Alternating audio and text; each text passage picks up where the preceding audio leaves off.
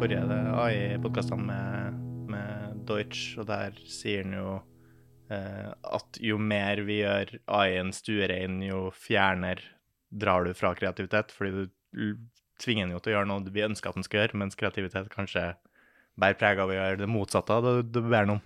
Ja. I hvert fall noe ja, Gjør litt sånn opprør, som han snakka om.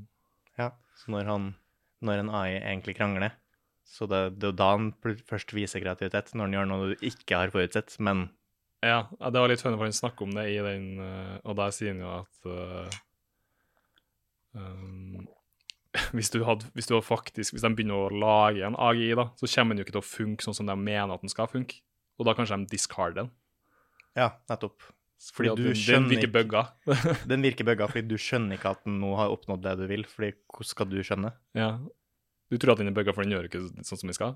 Nei, men den gjør noe som er bedre. Men hva, hva vil du ha målt den på, da? Hvordan skal du se det? En AGI. Ja. Du, jeg tenker Det må jo være at den gang på gang gjør briljante ting. da. Ja. Sånn som, Og det må faktisk ha reell nytteverdi. da. Ja. Ikke at det bare men Hvordan du skal Den må få fysiske fly til å fly, eh, når vi kan se så tydelig, liksom.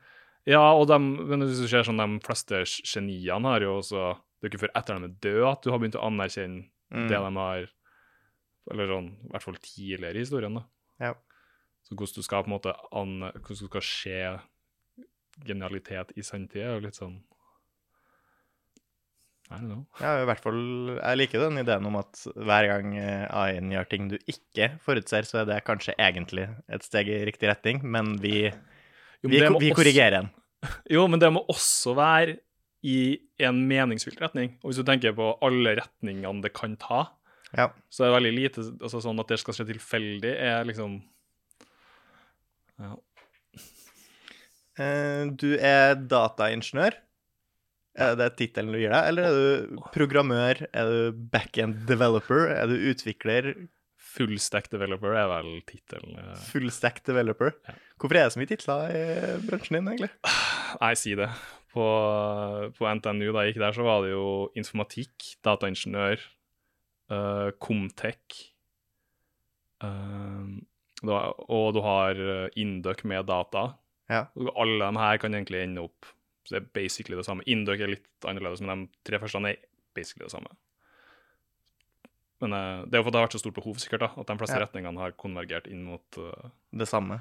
Ja. Så i utgangspunktet er det noen forskjeller der, men de har på en måte blitt viska bort. Informatikk er mindre realfag enn dataingeniør.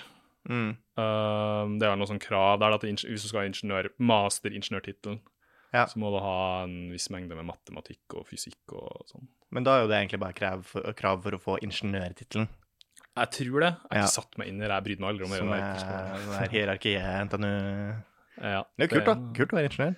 Ja, det er, jeg er jo ikke masteringeniør, da. Nei. Masteren min er informatikk. Du er bacheloringeniør og master, Master of Science. Master of Science. Men du kaller deg fullstack developer. Eh, Hva er forskjellen på titlene der, da? Det eneste, eneste forskjellen jeg har forstått so far i liksom programmørverden, er liksom frontend, backend. Greit, det skjønner jeg.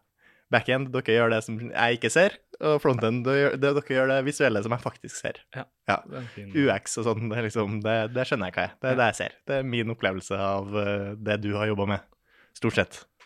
Men du gjør begge deler. Ja. Så jeg s- liker å se på det som at jeg gjør det som måte for å få oppgaven løst, da. Ja. Klarer du på en relativt enkel måte å forklare hvordan software blir integrert i hardware? På enklest mulig måte. Fordi det har jeg liksom ikke Jeg har aldri tenkt skikkelig hardt på det før nylig, og da er det sånn greit.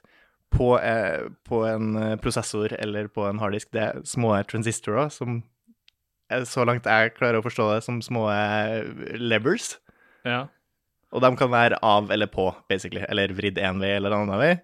Det gir nok informasjon til et dataprogram om den er null eller én. Sant? Det er en binærkode i det. Og da kan du prate med strøm. ja, nå er du litt utafor mitt eh, Jeg bare lurer på om du Ja, ja. eh, Men snakker du om lagring av data, eller s- hvordan når det s- på en måte opererer Kanskje begge deler. Ja, Jeg har alltid tenkt Jeg bare lurt på hvordan software Hvordan havner software på hardware? hva er det som får Altså, hvor- hvordan er software fysisk?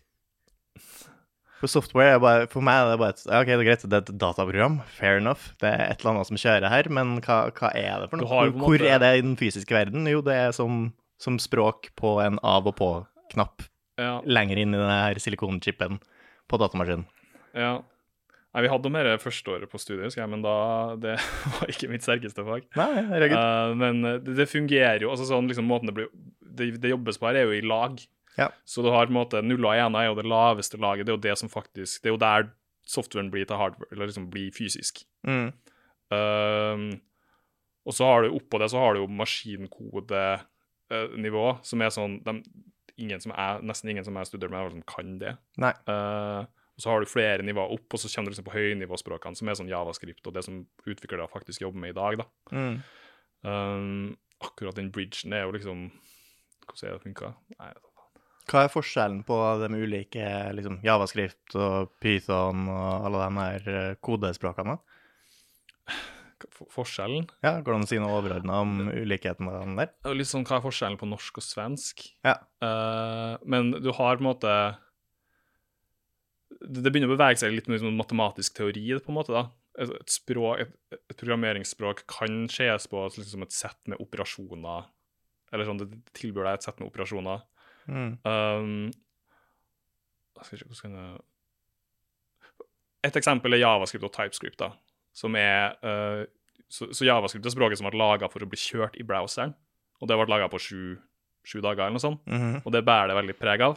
Ok. Så det er liksom basic javascript. Det er et ræva språk.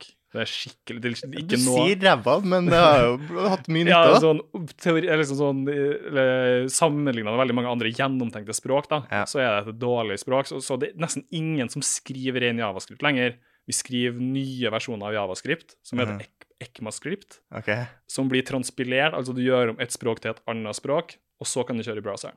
Mm. Men javascript er det som kalles et utypa språk. Og det vil si at når du, når du på en måte skriver koden din, så trenger du ikke å si noe om hva ting er. Mhm. Så det øh, Og da kan ting, hva ting er, kan endre seg underveis, eller du kan ha gjort en feil, men, men da vil ikke på en måte kompilatoren din finne ut av det før du kjører koden, da. ok, Så du skriver bare hva ting gjør, Basically, du skriver liksom oppskrifta for og så vil den skjønne hva ting er ut ifra hva ting gjør etterpå.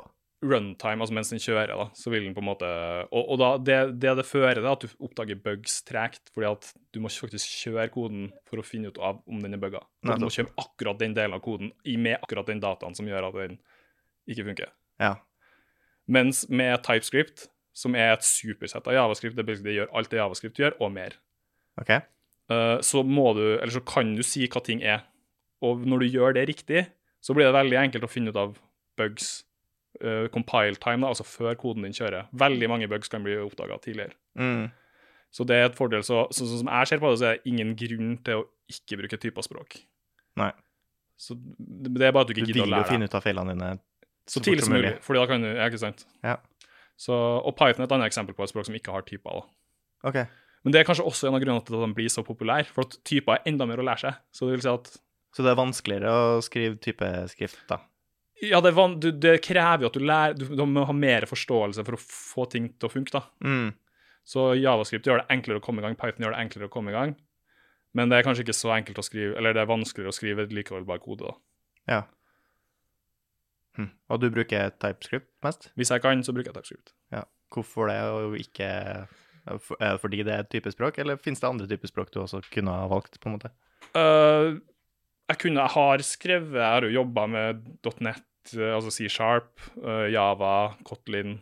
Uh, jobba med det meste, egentlig, men eh, det som er med TypeScript, er at jeg kan bruke da kan jeg bruke det samme språket for å s- lage alt som jeg trenger å lage. Så jeg kan lage en mobilapp, jeg kan lage en webapp eller en nettside, jeg kan lage backend. Mm. Eh, og jeg kan ha alt i samme kodebase og alt i samme språk. Ja. Mens hvis du på en måte går helt ut der, så kan du ha en Android-app i Java og Kotlin. Du kan ha en IOS-app med Swift. Du kan ha en backend i eh, .net. Mm. Og du kan ha en web-app i TypeScript. Da har du plutselig fire språk og fire kodebaser du må forholde deg til. Eh, og det gjør det, hvis du er en bedrift, da, så er det ganske mye mer overhead Ja. for å vedlikeholde den samme koden.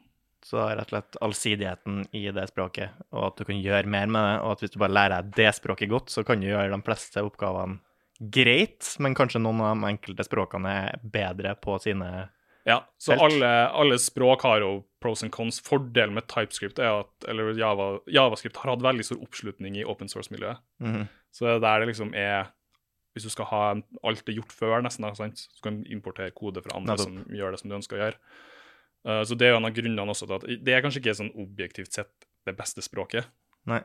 Eh, men det har såpass mye community rundt seg at det på en måte gjør opp for det, da, tenker jeg. Men er det en flytende overgang? Altså Hvis det fins liksom legacy og gamle ting i Javascript, kan du kopiere det og bruke det med TypeScript? Så, du, så, så- så det, det er forskjellen, for at TypeScript har, er, er, er ikke koden som kjører. Nei. Koden som kjører er JavaScript. Ja, men TypeScript er koden som skriver? Eller Ja, det er deg? koden som på en måte du forholder deg til. Ja. Så det er jo litt sånn det med nivåer igjen, da, ikke sant? Du har, I browseren så er det faktisk javascripten som kjører. Eh, så det vil si at du kan alltid bruke javascript-kode i et TypeScript-prosjekt. Da må du prøve å si hva ting er. Mhm. Men ofte så kan det være vanskelig for dem som har skrevet type, nei, javascripten, har ikke noe forhold til det her, så de har skrevet kode som ikke nødvendigvis er så enkel å, s- å si. Dynamisk kode er ikke alltid så enkel å si hva er. da. Ok, Jeg vet ikke om det gir noen mening, men det Jeg falt ut jeg er helt på slutten her. Men eh, ja, igjen, jeg syns det er Jeg skjønner jo hvorfor man må eh, programmere med noe annet enn vanlig språk, da, enn så lenge. Nå har det jo blitt mer no code-verktøy, altså at man kan kode med å skrive. Men foreløpig kan jeg se for meg at det er ganske eh, dårlig. Ja. Eh, I hvert fall sammenligna med det å faktisk kunne prate et språk som er nærmere det datamaskinen egentlig forstår, eh, hvis det gir mening. Fordi hvis jeg skulle ha forklart deg hvordan en sang skal høres ut, så er det jævlig vanskelig for meg å forklare deg det uten å eventuelt må gå inn og fortelle deg grep, da. Ja, så det, Jeg har ikke prøvd så mye no code-greier. Erfaringa mi med det er at jeg liksom har prøvd å sette opp en nettside med et eller annet, her, men det er sånn Det tar ikke så lang tid, for jeg tenker herregud, her har jeg gjort mye raskere sjøl. Ja. Ikke sant? Og så må jeg begynne å tilpasse meg og skjønne hva de har tenkt, når de har liksom hvordan de må og, med en gang du skal gjøre, noe- Og så lenge du skal gjøre ting som de har lagt opp til at du skal gjøre, så funker det fint. Og så har du lyst til å gjøre noe som er litt utafor det. Plutselig så har alle vinninga gått opp i spinninga med at du må drive og hacke til og så det har muligheten til å jobbe direkte mot liksom, Hvis det er en nettside da, med HTML og Javascript og CSS, da har du muligheten til å gjøre alt hvis du kan de tre tingene. Uansett hva det er på en måte som er bygd oppå, eh, bygd av oppå det, så kan du egentlig gå inn og fikse ting. da. Ja. Så det er fordelaktig å ha for en som kan å utvikle, at du har muligheten til å For ofte er det også flere muligheter, som du sier, sånn at en nettside du kan både fikse den med forskjellige språk altså. også. Ja, du har på en måte Altså, en nettside består av tre ting. Det er HTML, det er Javascript og det er CSS. Og tanken bak det er liksom HTML skal være markupen, altså den skal vise, hva, liksom, vise ting. Mm. CSS handler om hvordan det ser ut, altså endre farger, endre skriftstørrelser, endre eh, det. Og så har du Javascript som gjør at det blir, hele greia blir interactable, at du kan gjøre noe med sida. da. Mm. Trykk på knappen Trykk og på bli flytta. knappen, ja. Ja. Så, og så er det liksom Det har jo- det er jo skjedd på også som en sånn legacy-måte å bygge nettsider på. Eh, det var vel særlig da React kom, at man begynte virkelig å re retenke det med og da, sånn single page applications. da. Mm. som er basically, Før så besto nettsida av en masse forskjellige HTML-filer. eh, og så lasta du inn Javascript og CSS på en måte på hver, hver av de HTML-sidene. da. Men med disse singlepage-applikasjonene så har du begynt å bygge alt i Javascript. Og så gjøres det om da, til bare ei svær fil som du laster inn i browseren, Mm. og så, eh, og så har du alt i én go, da, på en måte. Ja. Um, så er det litt funnet, for det har kommet, nå har det kommet sånn full circle igjen, så nå er det på en måte, nå skriver man Uh, du, for du, du ønsker å, å- Hvis du lager en sånn singlepage-applikasjon, da, så får du problemer med s- SEO, altså Search Engine Optimization, Mhm. for det er ikke indekserbart av Google sin crawler. Hvorfor er det ikke indekserbart av Fordi det- Google sin crawler? Fordi det er bare en svær javascript-fil. Eh, OK. Så ja. Og det klarer ikke crawleren å lese? Den klarer å lese det, men den, sk- den er jo bas den er avhengig av at du har forskjellige uh, u- Altså sånn Den, den ser opp bare slashene i, UR, i, i URL-baren Ja. og bruker dem da for å indeksere siden og sånn, men hvis du bare har én single page application, så kommer hele Da er det bare Så den Basisida, bruker liksom. teksten i, liksom, i søkefeltet aktivt? Eller søkefeltet og søkefeltet, nettsidefeltet, eller hva hva skal vi kalle det? Ja, den Adressebaren. indekserer jo det som ligger på sida, da. Mm. Men så når du laster inn Jeg vet ikke helt hvordan det funker engang. når Det er en sånn, en sånn svær singlepage-applikasjon. Det funker i hvert fall dårlig, da, for at Ja. det ligger så mye greier der. Og det er kanskje mini, du har liksom gjort om javaskriften for at den skal ta mindre plass, og det, det er så mye greier som skjer. Mhm. Så det som er vanlig nå, er at du har noe som rendrer det på serveren, sånn som det ble gjort før, men du bruker den nye teknologien for å skrive koden. da. Ja. Så det har på en måte kommet en full circle fra Jeg har også inntrykk av at eh, det gradvis nå blir mer og mer bruk av nettsider igjen framfor apper, for det, altså, nettsidene blir bra, n- bra nok nå til å simulere apper igjen. Sånn Ja. som man satt og spilte eh, n- skikkelig ræva dataspill på nettsida før. Det gjør man jo kanskje ikke lenger, håper jeg. Det er en stund siden vi har spilt Mojapa, liksom. Men eh, nå føler jeg at mange apper som Altså, det kunne vært en app, men nå funker det på nettsida igjen. Så da liksom, du trenger ikke appen, bare dra på nettsida. Nettsida fikser alt. Eh, og det er jo en sånn mobile first eh, web-app egentlig det er snakk om, da. Mm. Um, og der kan du gjøre mye fancy greier. Eh, Den største bottlenecken jeg vil si for liksom Jeg er enig i at jeg tror det er dit vi er på vei, liksom. Ja. Men Apple støtter fortsatt ikke at de Og de vil f.eks. ikke gi deg tilgang til kamera da, via browseren. OK. Så, hvis, du, eh, så du kan ikke bygge Snapchat i browseren. Fordi du har ikke Nei. Du kan bygge en app der du laster opp filer. Mm. Eller tar, last, tar bilder med kamera og laster opp, men du kan ikke ha det integrert i appen din. For eksempel. så en del sånn ap- native API-er, som det heter, da, mm. som er blant annet tilgang til kontakter og, og kamera, er to gode eksempler på det, som du Ja. ikke får tilgang til via browser enda. Du må ha app. Ja, det, fin det, det støtter Android. OK, Men på grunn av at du, når du lager en app, så vil du at den skal være universell. så klart. Eh, så, og jeg tror Apple holder igjen på det på grunn av at de vil ha AppStore. AppStore. Ja. Så, men hvis, hvis det hadde forsvunnet, Ja. så tror jeg ikke det hadde tatt lang tid før native, altså folk har slutta å lage mobilapper, egentlig. Ja. Du hadde bare laga webapper som kan kjøre på mobilen som en app. ja, for der har du fordelene som vi har prata om tidligere. Da enhver oppdatering du gjør, skjer jo da umiddelbart, altså fra Ja. dem som har laga programmet sin side. I stedet for at du må oppdatere på Ja. mobilen din, så blir jo oppdateringa gjort på nettsida som om det er en nettsak som har kommet, på en måte. Jep, Så nå har jeg jobba med webutvikling ganske lenge. Jeg jobba mye med apputvikling før. eh, og jeg glemte hvor sykt stress det er å holde på med de appene. Fordi det er som å det er så du, sk- med, Når du driver med webutvikling, så er liksom s- instant hosting skulle du- Altså, det er der. Du pu- pusher koden, det bygger, og så er det Mhm. live. Ja. Med appen så må du, du må eh, bygge koden, og så må du submitte den til AppStore og Google Play, og så skal de reviewe det. Og det kan jo ta opptil dager. Ja. Eh, jeg tror det lengste jeg venta, er sånn to uker, Mhm. når det har vært skikkelig Um, og da hvis du har sk- allerede shippa en versjon som er bugga, Ja. så er det, den ligger der, liksom. Du får ikke til å, den går det ikke an å ta tilbake. Jeg kan sammenligne med å dra det inn i nyhetsverden der jeg jobber. Det, det er det samme som om Altså forskjellen på det å gi ut ei papiravis og det å gi ut en nettavis. Hvis jeg skriver et navn feil eller skriver noe som er feil eh, på nett, kan jeg fikse det med en gang, og det blir oppdatert med en gang. Men hvis du pusher ut den avisa, vel, da er du fucked, da. Fram til du får sendt ut en ny avis med en unnskyldning. Det er liksom ikke Ja, Så det er samme, ja. Så, så det jeg gjør nå, hvis jeg kan, er at jeg lager Jeg lager en app som bare har en link til en nettside. Ja. For da kan du også laste ned fra Google Play og AppStore, og folk forventer å få laste ned appen der, da. Ja. Men da har du liksom- foreløpig, men det kan hende at det er jo på en måte Ja, det er jo en ting som er Endre bare perception, skulle jeg til å si. Det kan endre seg. ja. Hva er ulempene med å kjøre appen på, på nettsida på browser? Um, en ting er, eller sånn jeg vet ikke, Det har litt med måten du må tenke på hvis du vil lage en ordentlig native app experience. da, Mm. Så, så vil du at ting skal laste det er liksom, og, og kanskje en del ting, mer ting blir bøndla med. Så øh, bilder og sånn, for eksempel. Øh, du kan fikse alt det der, men, men bilder har- legger du jo med en native app. Mhm. Mens hvis du laster dem fra en server, så tar det litt lengre tid. mm. Så en webapp vil jo laste det fra serveren med mindre du forteller en- Altså du må gjøre en del sånne greier for å liksom Gjøre masse tilpassinger på nettsida di for å få det til å føles mer smooth ut i mobil. da. Ja. Mens i mobil så vil det bare funke. Ja. Så hvis du er en mobilutvikler som kommer til webutvikling og vil lage det samme, så må du lære deg en del ekstra greier og gjøre en del ekstra effort for å liksom få det like smooth eller like slikt, da. Mm. Hvis det gir mening. Ja, nei, det, det, det er nok en gang en liten bottleneck i at hvis det er på nett, så må du jo streame alt, egentlig. Ja, men jeg tror man kan komme seg rundt Jeg har ikke brukt veldig mye tid på, på det her, Nei. eh, og, eh, men eh, jeg tror man kan komme seg rundt det ved å gjøre litt hacks og gjøre litt Så jeg tror det er mulig å, å Det er løsbart, liksom.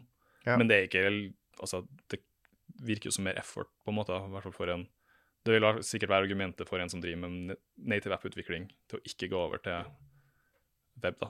Ja. Jeg har inntrykk av at eh, jo bedre nå liksom eh, internetthastighetene blir, jo mer kan jo streames, da. Ja.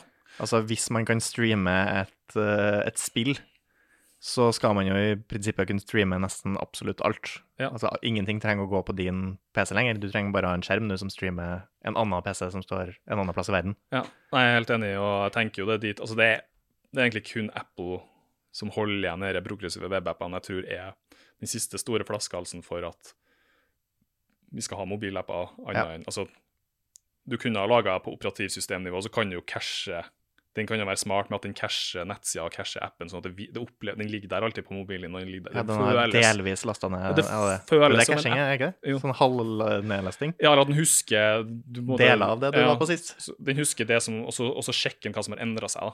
Ja. Så det er ikke alltid at noe har endra seg, og da har han kanskje alt, eller så kan han sjekke ok, jeg må oppdatere det her. Og så. Ja. så har bare et sånn lag i, på Mellomlanding. klientsida da, Mm. mellom, som, som husker på en måte det siste du har henta. Ja. Hva hadde du begynt å lære først da du begynte på studiet? Liksom når du begynte med koding? Ja. det Da var det jo Vi begynte med Java, husker jeg. Kjøleskapet bråker, jeg må slutte.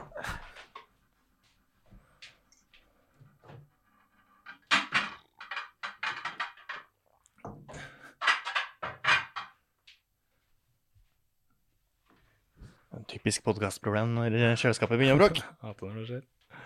Hvor var vi? Nei, vi begynte øh, Hva jeg begynte å lære? Øh, det vi hadde f- første faget, var vel vi hadde Java, og så hadde vi litt sånn Du var jo inne på det med liksom, når det blir til fysisk, og altså vi hadde Mm. komp kompilatorteknikk, tror jeg det het. Ja. Og det var kanskje litt forut for sin tid å ha det før du kunne progra- altså, kun- Jeg skjønte jo ingenting av det faget. Jeg bare Nei. pugga. For der var målet deres egentlig at du skulle forstå helheten i det. sant? Ja, altså hvis jeg, had- hvis, det fag, hvis jeg hadde på en måte gjennomført det faget på en god måte Ja. Jeg var en dårlig student, så, Ja, ja. bare så det er sagt, men hvis jeg hadde gjennomført det faget på en god måte, så hadde jeg kunnet forklart det her. Ja. Ikke sant? Det, Nei, det var bare jeg hørte eh, en podkast med Mark Andresen sikkert, som bare sa at det er en fordel å kunne det, som det er en fordel med å kunne absolutt alt. Ja, ja. Du må jo prioritere det som alt annet. Men, eh, men hvis man kan liksom hele, hele funnelen, altså alt fra software til hvordan hardwaren funker, så kan jo du gjøre løsninger i software som du vet fungerer bedre pga. det hardwaret det skal brukes på, f.eks. eksempel.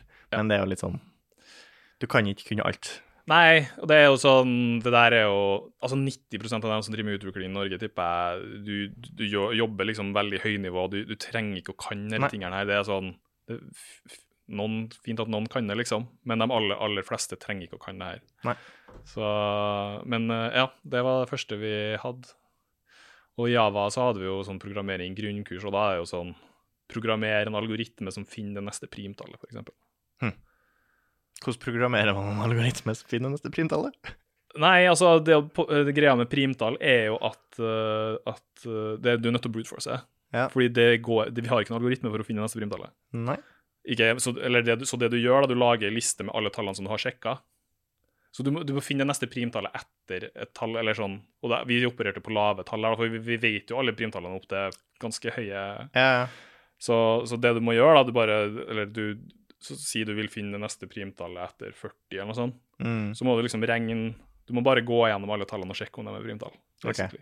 ja så du får Og så eh, kan du programmet til å sjekke hvert enkelt tall og sjekke om det er et primtall, egentlig. Ja. Den måten du Og må så må du gjøre det på. dele, du må dele på alle tallene som du allerede har lagt til i lista di over primtall eller noe sånt. Ja. Jeg husker det er lenge siden, men det, Ja. så du kan gjøre det på en litt smart måte, men det er brute force, basically. da. Ja. Og så husker jeg det var mange som fant gode løsninger på den, var bare hardkode inn alle primtallene opp til sånn 300 eller noe sånt, for studiene sjekka aldri høye Nei, tall. OK. da. Så Så de er egentlig cheata. det var en enkel måte å løse oppgaven på, eller få godkjent på, Ja, ok. uten å ha løst oppgaven. Men også egentlig litt juks. Jeg vet ikke om de skjønner sjøl at de jukser, eller? Nei, det er jo utfordring, det òg. Når du er student og bare vil prøve å ha riktig svar, så det er ikke alltid forståelsen henger med. Hvor, eh, hvor lang tid tror du det vil ta for en helt average person å lære seg helt average koding i dag? Si det, det er et spørs... Det er jo sånn hvor mye veier en fisk? Ja, Eh, fem kilo. hva er hva, hva er en average fisk? Eh, jeg, jeg tenker sånn hvis man har hatt R2, Ja. Hvis man har klart å komme seg gjennom det. Det er Og jo ikke man- gjennomsnittspersonen, da, for Nei. å si det sånn. Nei, øh, og da blir det vanskelig for meg å si noe OK, om alle det, som på har en hatt måte. R2, da. Alle som har hatt R2, tror jeg kan lære seg altså liksom Synes at det har gått, da. Altså ikke har vært helt jævlig, liksom. Mm. Da tror jeg man kan lære seg, hvis man finner riktig kurs og liksom med intensitet, så tror jeg åtte til tolv u- uker. Ja. Så tror jeg den personen er kapabel til å komme inn og være en juniorutvikler på et prosjekt. da. Og Ja. Få oppfølging av dem. Da, da må det liksom være s- på pla eh, struktur rundt sånn at du, du blir tatt introdusert og, og sånn, men at du, du kan komme og liksom begynne å skape verdi ganske Jeg tror åtte til tolv uker, hvis du har, men da må du ha riktig fokus, da. Ja. Og veldig mye, eh, altså sånn, veldig mye av det jeg lærte på skolen, var jo he- jo helt irrelevant for det jeg skal gjøre på jobb. Fordi ting har blitt oppdatert. En er å få ting oppdaget, men det lærer deg jo mye mer generelt. Altså Hvis du skal gå og være en web, frontend webutvikler, så er det, Ja. veldig begrenset, det er en veldig liten del av det jeg lærte på skolen som er relevant for Ikke sant? For det, Så hvis du kun skal bli en frontend webutvikler, så kan du også velge et språk som kun jobber med det, og så kan du jo Så- lære deg det fortere, åpenbart. Ja. Men hvis du skulle blitt fullstekt, da, så ville det tatt lengre tid. Ja, det, og det vil jeg heller ikke anbefale i starten. Sånn Nei. hvis du Jeg vil ha hvis, hvis man har lyst til å bli utvikler, så vil jeg ha fokusert på frontend webutvikling, lært seg javascript og React. Ikke TypeScript. Ikke TypeScript i første omgang. OK. Det- Hvis man kan typer fra før, så kan man bruke TypeScript, men det er bare enda en Det å lære seg TypeScript det er bare enda en ting som kommer til å stå i veien for at du faktisk får begynt å komme i gang og se resultater. For det er det som er artig med kode, synes jeg, at det liksom Du kan virkelig sette deg ned i helga og så ha laga en app, hvis du mm. vet hva du holder på med da. Så um, Har det blitt lettere eh, å lære seg koding, tror du nå? Ja, jeg tror det finnes veldig mye gode Jeg vet eh, Hva heter det for noe? Um, det er et sånt norsk selskap som har eh, Jeg kommer ikke på hva det heter, men eh, Kodeskoler og sånn, liksom? Altså, De har et sånn on, in, interactive online-kurs da, som jeg tror er veldig bra for å lære seg React. som er liksom det, React er sånn 90 av alle prosjekter i Norge. OK, React, er det et språk, eller? Det er et rammeverk, eller det er et bibliotek egentlig for å rendre HTML. sånn, Det er liksom definisjonen av det, men det det egentlig gjør, er at det lar deg blande javascript og HTML sammen i ei fil, Mhm. som gjør at det er mye enklere å, å skrive kode, egentlig, da, enn å drive og skal ha HTML for seg og, og javascripten for seg, og liksom sette sammen i etterkant. Så det er Facebook egentlig som laga det. Så da Ok. Facebook er de som har pionera denne single page application. Ja. Eh, og React har egentlig bare etter eh, etter eh, det begynte å bli populært i sånn 2015-2016, kanskje, så har det tatt over hele frontend-industrien i Norge, i hvert fall. Bruker du mye AI, liksom Copilot og sånn? Ja, Copilot bruker jeg. Det har jeg blitt så vant til. Jeg har ikke tenkt over det, egentlig, sånn hvor mye, hvor mye jeg bruker det. Nei. eh, før det forsvant. Eller før jeg liksom, det var et eller annet som gjorde at det forsvant. Da var jeg Ja. sånn, Oi, shit! Det her er jeg blitt superavhengig av. OK. Så Og så Ja, det, jeg bruker det mye. Og så bruker jeg Før så var jeg, sa jeg jo at jobben min var 8 90 googling. Ja. Nå er en 45 googling og 45 ChatGPT. OK, fordi Fordi du i stedet for å google, google så bruker du Spør Google- ChatGPT. Co-piloten? Nei, jeg spør ChatGPT, da. Ja. ja. Copilot bruker den, er jo- men det er mer som en sånn Hva skal jeg si, Det er sånn at jeg slipper å skrive ferdig det jeg tenker, på en måte. Nettopp. Auto, autofill. Autocomplete, egentlig. Ja, autocomplete. Ja. For den skjønner hva du, Ja, hva du stort prøver å skrive Ja. før du gjør Og i det. hvert fall hvis du prompter den likt, eller gir den litt bedre god kontekst og sånn, så er Ja. den ja. Og så er det enklere for deg å spørre ChatGPT om kodetips, fordi den kommer med svaret med en gang, i stedet for at du må bla gjennom flere. Eh, kontra å google, tenker du på. Ja. Eh, så det som er, da, er at eh, ofte når du driver med utvikling, så har du N- Når du skal google noe, det er jo ikke Mhm. et problem, så må du på en måte s- prøve å spesifisere det ned, sånn at Google skjønner hva du prøver å finne ut av. Ja. Og det er ikke så enkelt. Eh, så Men først så kan du bare spørre så med, med Google så må du ofte liksom finne ut ok, det her er det, den versjonen av det rammeverket, og så bruker jeg et annet rammeverk, og så bruker jeg et tredje rammeverk, og de sammen skaper det problemet som jeg prøver å løse Mm. som jeg finner ut har noen andre hatt det problemet her før. Mens med ChatGPT så kan jeg bare spørre. Ja. Eh, så Og den forstår deg oftere enn det Google gjør, da. Ja, den, det er på en måte første steget å spørre ChatGPT, og så må jeg begynne å grave på Google hvis det ikke funker, da. Ja. Så ChatGPT har bare gjort at jeg, jeg slipper å grave like mye på Google som jeg gjorde før. OK. Hvor mye mer effektivt vil du si at du jobber på grunn av type Copilot og ChatGPT? Um, det, når det kommer til kode, så føler jeg mesteparten av jobben ligger egentlig i å finne ut hva det er som skal lages, og hvordan du ønsker å lage det. Og så, er Ja. liksom, så det er litt sånn som Bottlenecken din er ikke å skrive Ikke Vim at jeg ikke lenger. skriver raskt nok, Nei. eller, eh, så du har jo liksom Jeg vet ikke om du kjenner Vim, Mm, men det er jo en sånn må, annen måte å manipulere tekst på enn med vanlig teksteditor, da. Ok. Så, og der kan man jo Det, det er på en måte som Hvis du kjenner til makroer fra WoW Ja. Jeg kjenner til Jeg makro. vet ikke hvordan jeg skal forklare det, men det, er- det kan sette seg så det er liksom, Du kan bli sinnssykt rask på å liksom manipulere tekst, Ja. men så er det sånn Det er ikke der flaskehalsen min ligger, så jeg har ikke fokusert så mye på, på å bli god i det, da. Nei. Um, Så det finnes også andre flaskehalser enn det å sitte og tenke og løse oppgaver i kodinga. ja, det er jo liksom siste, det er jo på en måte bare implementasjonen, da. Hvor ofte skriver man om ting? Altså, Hvor likt vil du si det er, uten at jeg vet hvor mye du skriver vanlig til vanlig? Men hvor, altså, er det sånn, Skriver du, og så tenker du nei, faen, det der kunne jeg skrevet på en bedre måte. Jeg skriver det om. Jeg har lagt en del effort i å prøve å bli flink til å skrive clean code, da. Ja. Um, så Og hva er fordelen med at det er cleanere? Nei, så Er at det da vi- lettere å reparere eller se på det i ettertid for andre, eller er det liksom, hva er fordelen med det? jeg har jo på en måte et ideal om at når jeg kommer inn og leser Altså, jeg, jeg vil alltid prøve å skrive kode sånn at hvis jeg kommer tilbake om en måned, så skjønner jeg fortsatt hva det her gjør, Mm. uten at jeg trenger å begynne å, å liksom kalle kompilere det i hodet, da. OK. Ja. Og begynne å lese og skjønne hva gjør den variabelen her hva, altså, du må, fordi det, Og det spørs jo liksom hvor langt. Du kan jo ha liksom hundrevis av linjer med kode, Ja. og så må du jobbe deg hele veien oppover og skjønne alt hele veien opp, og så du må liksom for å i hele tatt skjønne og du, Bare for å fikse en bug som egentlig bare er å endre én linje. Mm. Så hvis du skriver Jeg mener at i hvert fall jeg, i min erfaring når jeg skriver koden øh, på en sånn måte, så, så skal at du kan skjønne det uten å skjønne hele konteksten. da. Mhm. Så Du kan bare lese en liten, liten del av Små deler av kode må stå for seg sjøl. det. Helst. Er det da, eh, har det noe å si hvor kort det er, liksom? Er det sånn, optimaliserer du for å skrive minst mulig? Det er jo det man ofte tenker, eller det er jo det man gjør ut fra studiet ofte også. Mm. At det er sånn, Og du har liksom eksempler på Stack Overflow, som er der du går. Det er liksom Wikipedia for kode. Ja. De er sånn variabel A og variabel B, for eksempel. Og det er sånn, det sier deg jo ingenting om hva det her er for noe. Nei. Hvis du sier variable user og variable friend, for eksempel, da vet du at det her er brukeren, og det her er kom- vennen til brukeren. OK.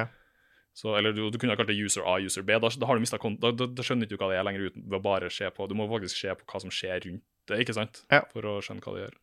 Hm. Så, men det tror jeg er en- det er en skill som, som krever ganske mye Man må jobbe ganske mye med det før det begynner å, å gi mening, da. Og er det sånn at Altså, jeg regner med det finnes ganske mange måter å komme fram til det samme svaret på her. Ja. Sant? Å få eh, den tingen til å være rød og flytte seg sånn på eh, den og den applikasjonen til den og den tid. Det går an å gjøre det på flere forskjellige mul- mulige måter. Og det går an å gjøre det på en, sikkert en kjempelett måte og en megakomplisert måte. Ja. Og alle koder tenker kanskje litt ulikt. Ja. Så det, er- hvis du går over noen andres koding, så kan du si ah, ja, Kan du kjenne igjen noen sin koding?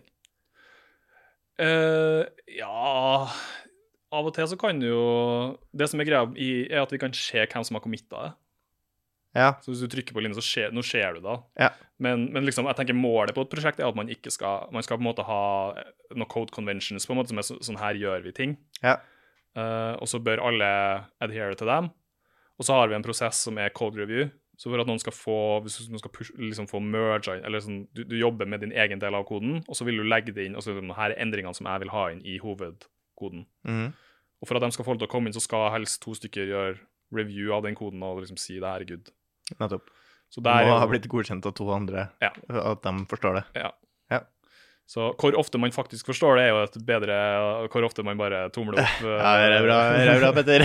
Så jeg, jeg gjør en effort for å prøve å, å forstå ting, men av og til har du tidsfrister, du har Det er ikke alltid like enkelt. Eller sånn. det, det er enkelt av og til å bare skyve inn kode som man nødvendigvis ikke skjønner. Ja. Og jeg tror det er kanskje idealistisk å tenke at du skal forstå hele kodebasen også, i hvert fall når det er et større prosjekt. Mm.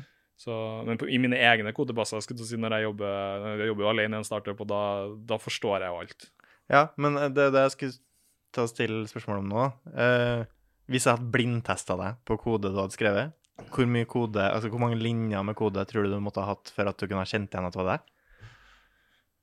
Eh, det er et godt spørsmål. Det spørs hva du sammenligner det med, tror jeg. Jeg Ja. vet ikke helt hvor nivået på det ligger. Jeg, jeg tror kanskje jeg er ekstrem på liksom, at jeg er veldig opptatt av det her. Ja. Jeg tror ikke folk flest er like opptatt som meg. Neat freak Eh, på kode. Så, men det, det spørs helt hva du sammenligner Så det med. du tror jeg. ville i hvert fall ha kjent igjen at her er det en som bryr seg om at det skal være clean? Ja. Her er det rent. Ja. Og Så da kan det ha vært meg. Ja. Håper Mens hvis det er dirty, det er åpenbart ikke det. ja, det, det Det har her var blitt for litt- rotete, det kan ikke ha vært Ja. meg. Men jeg føler, jeg- Der også har jeg kommet litt sånn full circle på eh, midwit-meme, men at du liksom Ja, du må, copy-paste litt koder. Altså, det, det er greit, liksom. Man kommer, man, det, ut av studiet og sånn, så kommer du liksom til et punkt hvor du vil abstrahere alt. Mm. Du, vil, eh, du vil prøve, og du skal ikke gjenta en eneste linje med kode som du ikke trenger å gjenta. Og, og det, det det ofte fører til, er bare at koden blir utrolig vanskelig å forstå. mm. Så det er noe saying som går eh, en Det er bedre med en duplisering enn en dårlig abstraksjon. OK. Så um, Og det er på en måte, det ble jeg bare mer og mer innforstått med at det Så det er helt, helt greit for meg å copy- copy-paste koder av og til, liksom. Det, Ja. Dårlige abstraksjoner er helt forferdelig å jobbe med. Kodinga sin variant av right as you, as you speak, kanskje? Eh, jeg er ikke kjent med det, Til men en viss, til en viss grad, kanskje? ja. Jeg prøver å dra Å, ja, sånn, paralleller. ja, ja. ja. Nei, det er i hvert fall en eh, um, Det med dårlige abstraksjoner er, er noe jeg blir mer og mer bevisst på. Liksom det, det som koster meg mest i min egen kode også. Ja. Jeg har gjort en dårlig abstraksjon, så er jeg, å, hvordan løser jeg opp i det smøret her, liksom. Fordi du har egentlig, i et forsøk på å gjøre det clean, så har du gjort det vanskelig. Ikke nødvendigvis å gjøre det clean, men å f- gjen, jeg har prøvd å gjenbruke noe som ikke er det samme. da. Jeg har prøvd å gjort noe til det samme som ikke er det samme. Ok. Så ofte så kan det se ut som to snutter med kode er på en måte det samme, og da er det sånn Å, det her er jo n- det samme, hvorfor kan ikke jeg putte i én funksjon og så gjenbruke den funksjonen på begge stedene? Nettopp. Og så får du en endring fra en, øh, fra en produkteier, og så viser det seg at det er ikke det samme. Mm. Og så hvordan rydder jeg opp i dette nå, for de er avhengige av hverandre og koden, og kanskje jeg må skrive om hele dritten, liksom. Hvor mye kodejobb øh, Nå er jo det sikkert veldig variabelt, men hvor mye kodejobb i dag tror du er vedlikehold?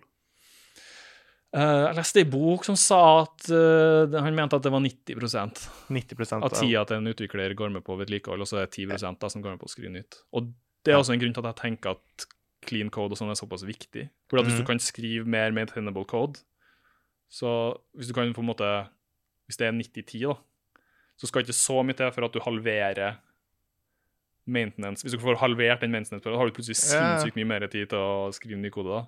Ja, altså hvis øh, kostnaden er at du må ha én utvikler da, som sitter øh, i stedet for to, som sitter og vedlikeholder den koden, så er det ganske mye penger spart.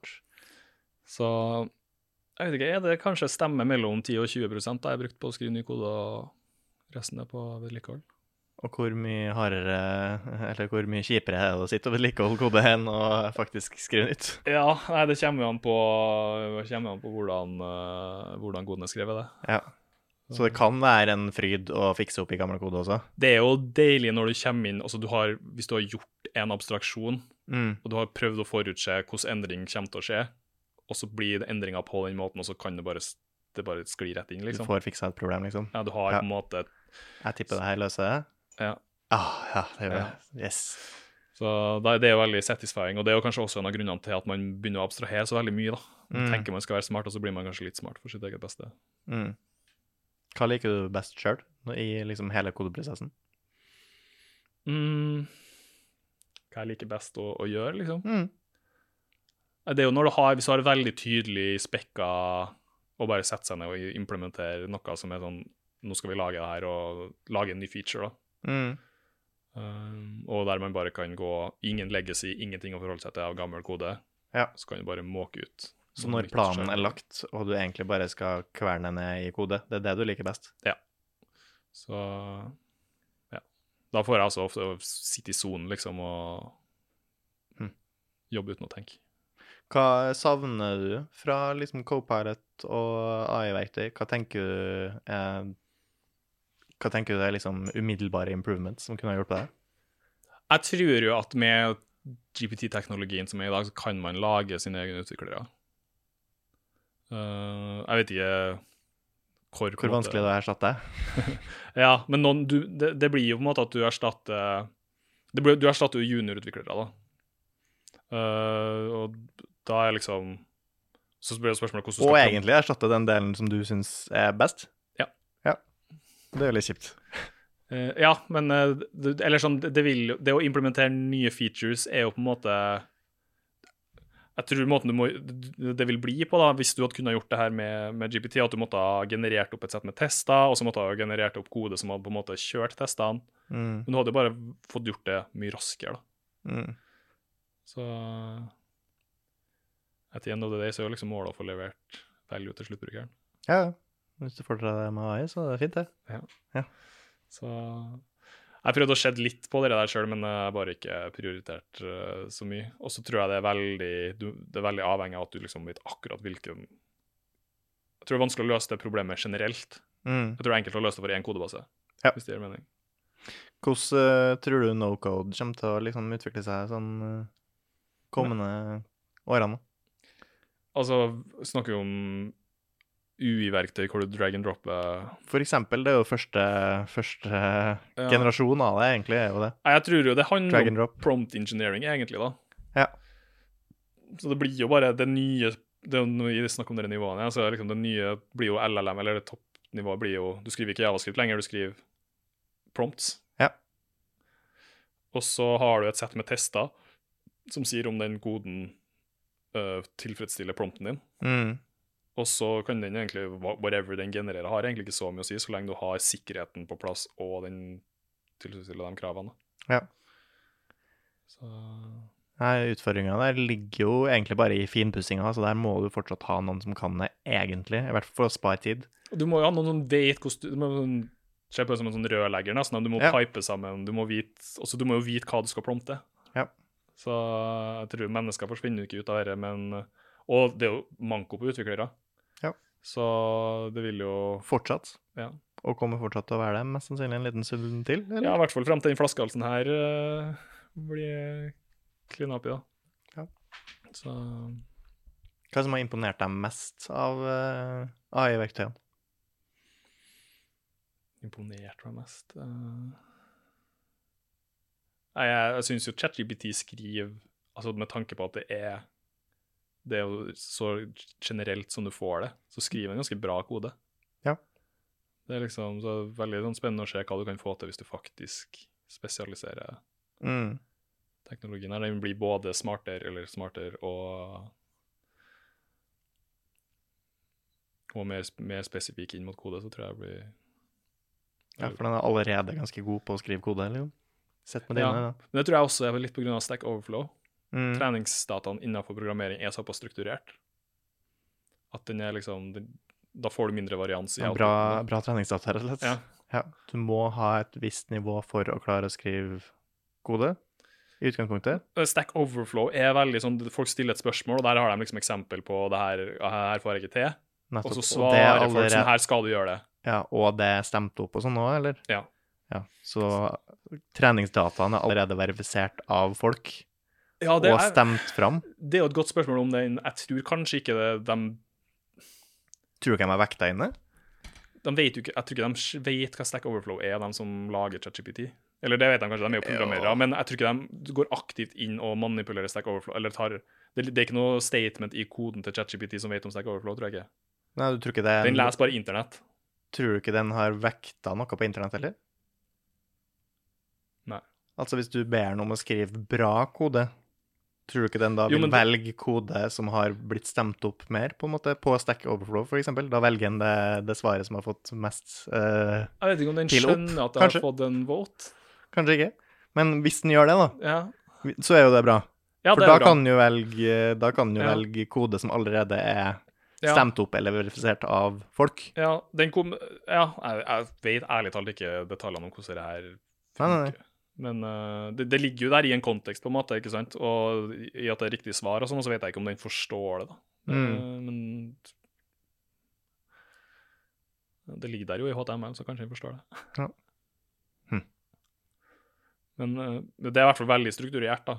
Og på GitHub og overalt så er det liksom ofte veldig sånn så ser jo ting ofte likt ut. Og da blir det jo mer, eller det blir mindre varians i svarene som kommer ut fra LLM-en. da. Ja, ja. Som både er positivt og negativt. Bra til arbeidsverktøy, dårlig med tanke på AGI.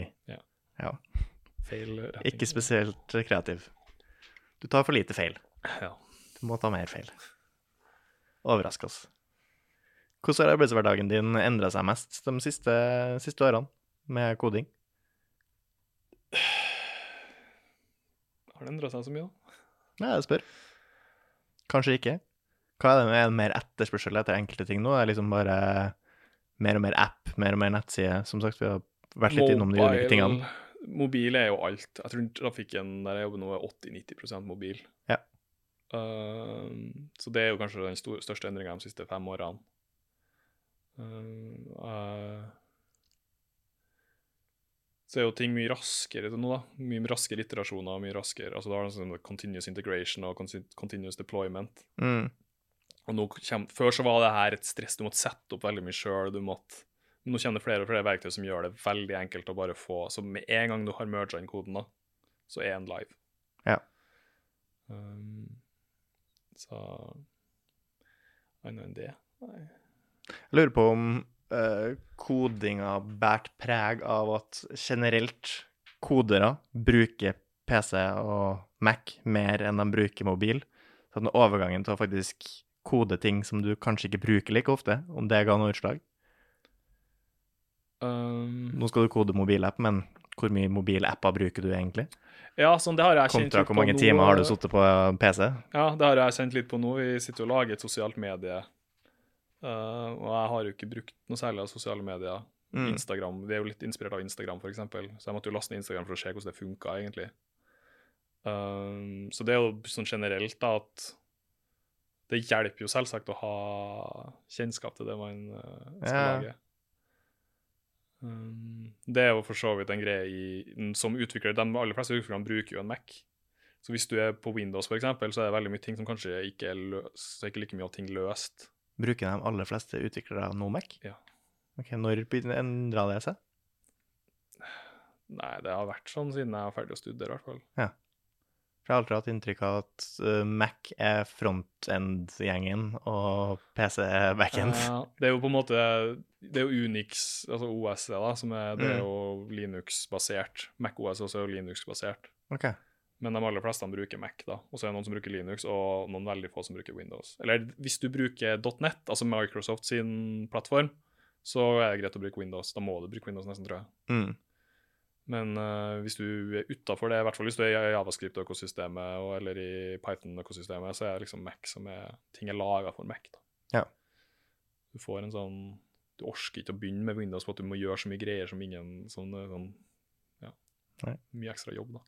Jeg skulle ønske jeg interesserte meg mer for koding utover det jeg gjør. Jeg skulle ønske jeg hadde en slags driv for å i det hele tatt drive med det. Og Ja. jeg bare ser hvor mye verdi det har nå. Jeg på en måte Alt det logiske forteller meg, og det rasjonelle forteller meg at det her er jo åpenbart det du burde brukt tida di på, men det var sånn Jeg tror ikke det er for meg, rett og slett. Det er liksom aldri det, det mest tekniske jeg har gjort, det er å laste ned en eh, mod til et dataspill på Ja. PC-en, liksom. Det, og der stopper det. Jeg har, eh, jeg har lasta ned ulovlig film på internett, liksom. Det, der, der går grensa for min tekniske kompetanse. Jeg Ja. har fått blitt tatt for piracy. Det er liksom der. Der stopper det. Nei, det, det er jo litt jobb det, å liksom komme i gang i starten. Det er, sånn, det er så mye greier, da. Ja. Det er veldig overwhelming for Jeg vet ikke om det er så Det har- det har kanskje blitt verre, nesten. Hva var eh, rasjonalet ditt bak at du valgte eh, dataingeniør og informatikk? Det var vel at eh, det var mamma som mente at jeg burde ha søkt det siden jeg var så glad i PC. ja, Så hun it hadde, ma- hun makes sense. hadde en venninne som nettopp hadde eh, tatt sånn voksenutdanning innenfor informatikk, og hun sa det var så mye bra jobber. Og Ja. det var, så jeg søkte jo det og kom inn. Det var helt tilfeldig. Det var ingen plan bak det. Nei. Så, men jeg er jo sjeleglad for det i etterkant. Jeg er glad for at du valgte den retningen. Det har eh, gitt eh, Den valgte jeg. avkastning. Den valgte jeg. Ja. Ja. Nei, det er imponerende. Hvordan går det med treninga om dagen, da? Jo. For å ta en eh, dyp Segway Ja. over til et annet tema. jo, nei, det går bra. Ja. Jeg er, på, jeg er vel på mitt sterkeste og lineste, så Kan Og si det er jo målet. Det er Sterk og målet, lin. Ja.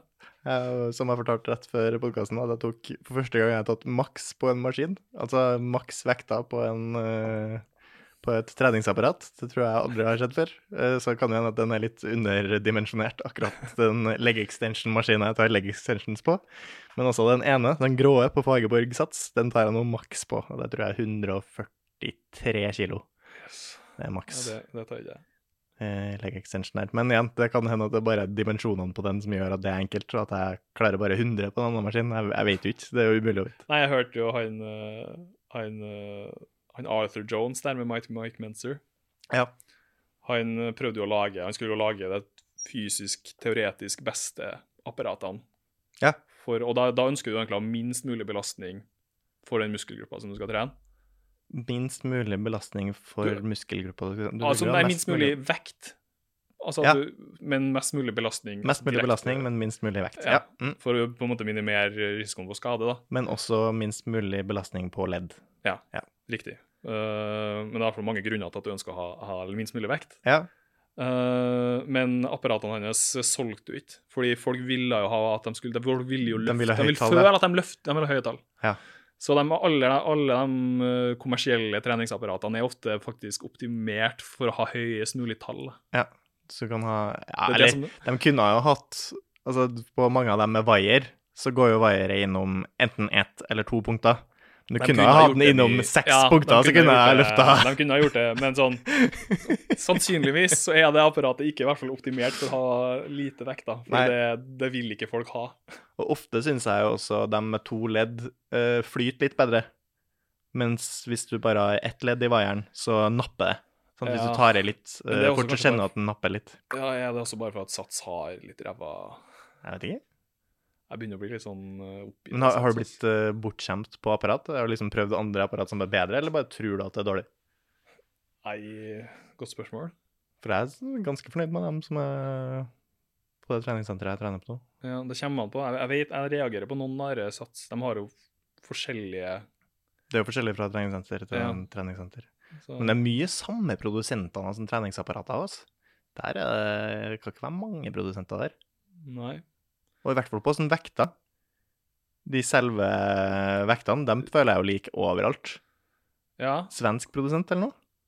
det vet jeg ikke. altså. Ja, det- Det er, for det er noen som er de der eh, De eh, sånn svarte, som, eh, som er litt større, som er dritt, for der får du ikke nok på vekta hvis du skal løfte Ja, ja, tungt. sånn, ja. ja de, Som er litt sånn crossfit-aktig, for Ja. de kan sprette bedre. Og så har de gamle som er liksom eh, 25 kiloen er rød, ja. 20 kiloen er blå. Ja, det er 15 ikke så mye kiloen er innovasjon, gul. eh, Ikke så mye innovasjon på de greiene her. Nei, må finne på noe. Finn på noe lurt. Ja, nå er jeg jo Jeg har jo kjørt Menser-programmet nå igjen, etter jul. Ja. Ehm, og prøver jo da Jeg har å ha færrest mulig øvelser som ikke er på maskiner, fordi å trene til failure på ting som ikke er maskin, suger jo stort sett. Ja. Med mindre det er liksom dumbbells. Ja. Nå, Eh, farlig. ja, men jeg merker at den eneste øvelsen jeg har på bein nå som ikke er maskin, er jo Jeg gjør liksom sånn dype lunges, utfall, med 50 kilo på ryggen, og så bare se hvor mange jeg klarer, liksom. Og der, på de siste der, pluss at du går med den Ja. barbellen på ryggen, så du er jævlig brei. Eh, Så hvis du tryner der, så kan jeg jo risikere å ta med meg noen, og det vil jeg jo ikke. Så der kan jeg på en måte ikke pushe meg helt til failure, men jeg kjenner jo den fortsatt, da. Ja. Jeg vet ikke om stølhet er et tegn på at eh, man har hatt noe progress, jeg vet ikke. Men jeg løfta nå i hvert fall Jeg gjorde flere utfall nå enn jeg gjorde sist, så det er bra. ja, det er progress, det. Ja. Nei, det er vel han eh, Dr. Mike Israel. Ja. Han sier vel at uh, stølhet er ikke på en måte fasit, men Nei. det bør være en del av regnestykket ditt. da. Så Til dels. det indikerer at du eh, gjør noe riktig. hvis det liksom... Mens Menzer var helt uenig i det. At det, at Han det sa jo at han nesten aldri var støl. Eneste Ja. gangen han var støl, var hvis han hadde lang pause og så tilbake Ja. til treningen. Men det er vel det han mener, da, at eh, det er ikke på en måte sufficient. Nei.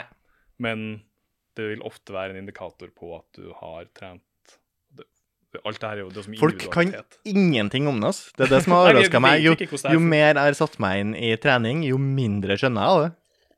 Det er liksom Det, Vi er- vet jo det er ikke. egentlig maks midwit-greia. Altså bare tren og spis greit, og så blir du i bedre form, og så gjør du mer av det du føler funker. Ja. Det, det er det som funker. Tren hardt. Det er jo sånn Tren hardt å vis- glemme ser ut til å være eh, ganske riktig. ja, det, det er jo så fort Men hva er gjort å hardt? glemme. Hva er hardt? Hvordan skal du vite hva som er hardt? Hvis du Eh, ikke trener til failure, hvordan Ja, du må vet du hva som er trene- hardt? du Du, må må, trene- prøve failure, i hvert fall. Du må pushe til failure. Så det jeg gjør nå, er at jeg pusher av og til. Ja. Og så utenom det så har jeg liksom Jeg periodiserer. da, Så jeg tar tre reps in reserve ei uke, og så to reps in reserve neste uke, og så én, og så null, og så Mm. en uke med deload. Ja. Um, det har funka veldig greit så langt. Men um, Og da, på siste uka så trener man jo til failure på alt, så da vet du jo hvor det ligger. Ja. Men man kan ikke trene så hardt hele tida, eller da hadde jeg altså, den siste uka er jo helt jævlig. Det kjennes ut som om jeg har feber og Ja, nei, jeg, Det du- med menseprogrammet nå med fire dager Jeg syns jo det For meg funker det bare helt sykt nice, fordi jeg også gjør annen trening i tillegg. Hadde jeg ikke gjort annen trening i tillegg, så hadde jeg jo på en måte kanskje valgt noe annet. Men det å trene bare et par øvelser så hardt jeg kan, ett sett hver fjerde dag, det, er jo, det fø- føles ut som jeg jukser. Det Psykologisk føles ut som jeg cheater, for jeg bruker jo så lite tid totalt på treningssenteret, og fortsatt så blir jeg sterkere og større. Og det føles ut som juks. ja. Nei, det er, det er nok det mest Jeg tror nok det er udiskutabelt. Det er den mest effektive måten å trene på. Sånn Mm. du får mest mulig igjen for tida di. Ja. Og så lærer jeg deg å trene hardt, så det er jo et veldig bra program sånn sett. Eh, for meg, da, da jeg prøv, etter jeg prøvde det, så var jeg sånn Shit, jeg, jeg, trener, jeg er for lite på trening. Liksom. Ja. Men det var jo det, er sånn, det er hobbyen min, liksom. Ja, ja. Så, så jeg ville prøve noe annet. Men jeg kommer nok til å gå over til det igjen når jeg på en måte er ferdig med å game. Da. Ja. Ehm, så Hvor mye spiser du nå? mellom 3000 og 3300 kalorier. Måler du det? Eller vet du sånn cirka? Jeg måler. Og da ligger du, vet du hvor mye du ligger over Eller jeg spiser lunsj på jobb, da. så da- forbrenningsrata er, liksom? Og Ja, ja, altså, det- lunsjen er litt uh, You never know. Det som er greia, jeg begynte jo å trene for tre- nå er det fire år siden. Snart, snart fire år siden. Eh, Og da fikk jeg et sånn Excel, jeg kjøpte meg et sånt program på nettet, og så fikk jeg et sånn Excel-ark som du fyller ut eh, hvor mange kalorier du har tatt i deg, og hvor mye du veier. Og hvis du gjør det over to uker og er ganske nøyaktig med både veiinga og eller sånn at du veier det samme tidspunkt hver dag, og du tar liksom, da tar du jo snitt av det, og så tracker du kaloriene relativt Da bør du tracke kaloriene ganske nøye. da. Mm. Og da kan den si deg hva forbrenninga di er. Og det vil, jo, det vil ikke være som en online-kalkulator hvor den gjetter, basert på noe Det vil være ganske nøyaktig akkurat det du forbrenner. Så da fant jeg ut at jeg forbrenner ca. 2650 kalorier om dagen. Mm. Så hvis jeg bruker det som utgangspunkt, så kan jeg kontrollere vektoppgangen og vektnedgangen min ganske nøyaktig. For det er litt sånn uansett om du så skulle trent hver dag den uka der, så hadde du liksom aldri Hvor mye ekstra kalorier hadde det vært sånn? S- Styrketrening er jo over Det er nesten ingen kalorier, vet du. Det, Nei, det er jo ikke Jeg det. går, jeg går en time om dagen, typisk. Det Ja. forbrenner jo mye mer kalorier enn å trene på treningssenter. Men det blir jo da iregna hvis du regner snittet, Jepp. og du gikk før du Så ja, man når bør jo du prøve, regnet inn. hvis man skal gjøre det her, så bør man jo prøve å liksom gi det to uker der du kan være sånn relativt sånn som du er i snitt til vanlig. Eh, da vil du ha ganske godt, da, godt, godt utgangspunkt for å på en måte legge en videre plan. Da. Nei, i det siste har jeg vært, eh, som jeg sa til deg, så sjukt matlig. Ja. Det er sånn, Jeg er jo til vanlig egentlig ganske matlig, har veldig liten matlyst. så Det tror jeg bare er fordi jeg, jeg spiser nok. Mm. Eh, så jeg spiser mer enn nok av det kroppen min egentlig har lyst til, men jeg har lyst til å være større enn det kroppen min har lyst til, så Ja. da prøver jeg å spise mer. Og da vinner man at man ikke blir sulten, da. Da Ja, er ja, man jo det er helt stappmett hele jævlig, tida. Å sitte og klage på eh, aldri være sulten. Men eh, ja, det er jo sykt jævlig. Grusomt å ikke ha lyst på mat. Det- Så nå har jeg jo da kjøpt inn eh, hva er det, fi, nei, fem forskjellige proteinpulver. Eh, bare til å prøve proteinshakes igjen. Eh, stort sett ikke brukt det, for da har jeg bare, herregud, jeg kan jo bare spise litt mer. Det er enklere, liksom. Men nå må jeg rett og slett ty til å drikke kalorier for å få i meg nok. Ja. Jeg har et lite mål om å på en måte nå en slags toppvekt nå, før jeg gir faen igjen og bare prøver å maintaine. ja. Nei, jeg ville anbefalt å prøve en diet break, ass. Ja, altså faste. Ja. Men jeg faster jo hele tida. Ja. Eller bare prøve å gå Hvor, altså- lenge- hvor lenge gikk du sist du fasta? Eh, det jeg gjorde nå, var etter nyåret Jeg var så lei. Jeg var samme greia etter jul. Ja. Dritlei. Og da hadde jeg jo spist i et kalorioverskudd i et halvt år, liksom. Mm. Så eh, Jeg gikk vel Jeg tok et par dager der jeg bare spiste når jeg var sulten. Og Mm. kanskje, da spiste jeg kanskje 1500-2000 kalorier om dagen. Hørtes ikke sunt ut i det hele tatt. Bare spis når du er sulten, herregud. Det er Nei, helt det- for en absurd hva- ting å gjøre. Så, og så avslutta jeg med en to dagers faste. Ja. Eh, og etter det så hadde jeg i hvert fall to uker der jeg var sulten. Da, var jeg, da spiste jeg fem måltider om dagen. liksom. Oi, ja, det er Så ganske sulten mye. ble skikkelig Ja. resetta, og jeg fikk lyst på mat igjen. Ja. Så det var, det var digg. Deilig.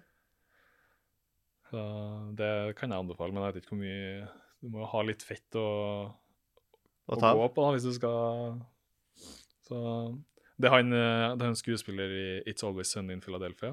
Ja, ja. Har sett noe dukke opp i min eh, feed på et eller annet tidspunkt, han òg. Han, eh, han skulle jo gaine Han gaina vel 50 kilo eller noe sånt. Ja. Han skulle bli, først så skulle han bli skikkelig overvektig, og så skulle han kutte og bli skikkelig ripped. Ja. Eh, og da drakk han jo fire jeg tror han hadde sånn fire liter med is om dagen. Ja. Så han bare satt ut på benken og smelta det, Ja. og så drakk han is. Det funker jo, det. ja.